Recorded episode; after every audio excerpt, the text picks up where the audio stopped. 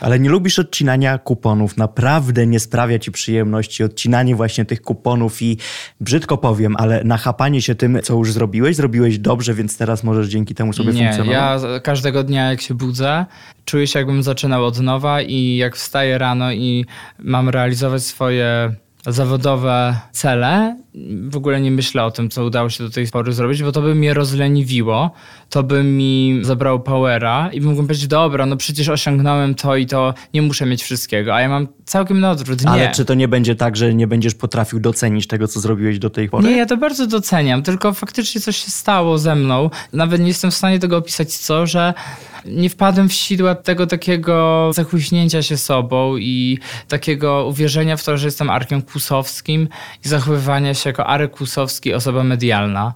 Ja wychodzę na scenę, robię swoją robotę, jadę na wywiady, po czym przebieram się w dresy i żyję i nie sprawdzam komentarzy, tego wszystkiego. Chcę mieć naprawdę otwartą głowę, bo obserwuję moich kolegów, którzy zmieniają się pod wpływem sukcesów, pod wpływem zmiany finansowego, jakiegoś takiego swojego statusu.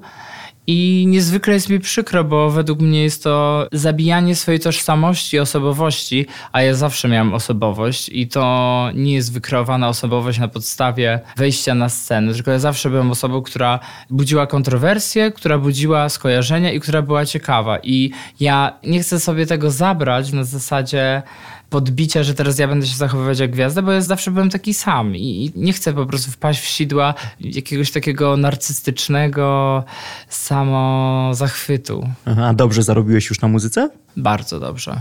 I jak wchodzisz na swoje konto bankowe, to naprawdę nie czujesz takiej satysfakcji i nie mówisz sobie, jest zajebiście, tylko, tylko co? Tylko poddajesz to pod tą wątpliwość, ciągle myślisz o tym, co dopiero możesz zrobić, nie masz chwili takiego, wow, jest super. To... Nie, ja jestem strategiem, muszę cały czas się rozwijać. Ja mam to tak jak moi rodzice. Mój tato bez przerwy po prostu myśli nad nowymi inwestycjami. Nie, on nie potrafi się cieszyć za bardzo z tego, co ma, bo nie potrafi z tego korzystać, bo nie pochodzę z bogatego domu i nie mieliśmy mm, jakiegoś takiego, wiesz, high levelu, na zasadzie wakacje, turnusy, drogie ciuchy. Na wszystko sobie zapracowałem sam, zarobiłem i... Czyli nie wydajesz na głupoty? Nie, jestem nawet, bardzo ekonomiczny. Nawet ani razu nie miałeś coś takiego, że poszedłeś na taką imprezę, że wydałeś tyle siana, że miałeś kaca moralnego przez, nie wiem, tydzień, dwa. E, wiesz co, tak było kiedyś, jak przyjechałem do Warszawy tutaj, ale też duże rzeczy miałem w barterze, no.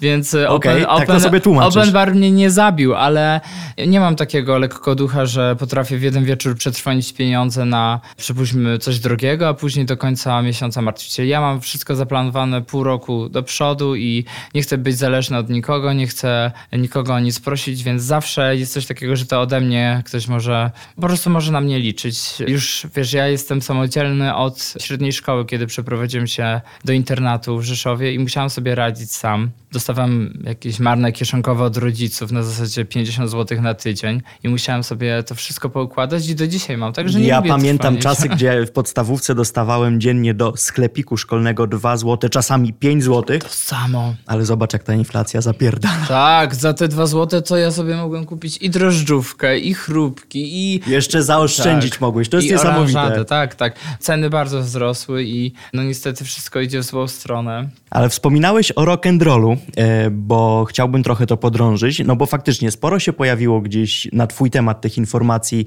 co zresztą sam podkreślałeś, że miałeś taki mocno rock and rollowy styl życia, że mnóstwo się działo. Jak ten rock and rollowy styl życia wyglądał? Czy tutaj mówimy o stylu typu gwiazdy, nie wiem, Iron Maiden, ACDC, że dziwki Cox, tak tajski box, po prostu mhm. tutaj mówiąc skrajnie kolokwialnie? Nie, nie, nie. Ja też, e, to się tak wydaje, że masa tych koncertów, różnych rzeczy, zwariowanych wydarzeń, ciągłe to napięcie, adrenalina, Wiadomo, że zawsze po każdym koncercie jest bankiet, masz możliwość świętowania, później jedziesz w tym busie niewyspany, na drugi dzień znowu coś i to jest tak, tak strasznie w pewnym momencie wciąga cię ten nurt, że tracisz rachubę czasu patrzysz, a to już jest dwudziesty któryś, nie? A dopiero był początek miesiąca i myślisz sobie, kiedy to minęło. I na pewno właśnie mam bardzo duże poczucie straconego czasu przez to, że nie spakowałem tego życia tak, e, tak bardzo yy, dogłębnie, ale też nie miałem szacunku do każdej fajnej chwili, do spacerów,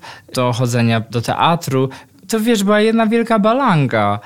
A właśnie jakoś tak teraz mam, mam to, że nawet jak byłem teraz w górach, przez 4 dni wstawam codziennie o 7.30. No to jest coś innego dla mnie. No, naprawdę pracuję na tej scenie od 19 roku życia, jeszcze przed programem i praktycznie każdy weekend gdzieś pracowałem, grałem koncerty, więc naprawdę nie miałem takiego czasu, który sobie teraz tworzyłem, bo też oczywiście mam wybór. Mogę iść tak jak kiedyś, ale nie chcę już.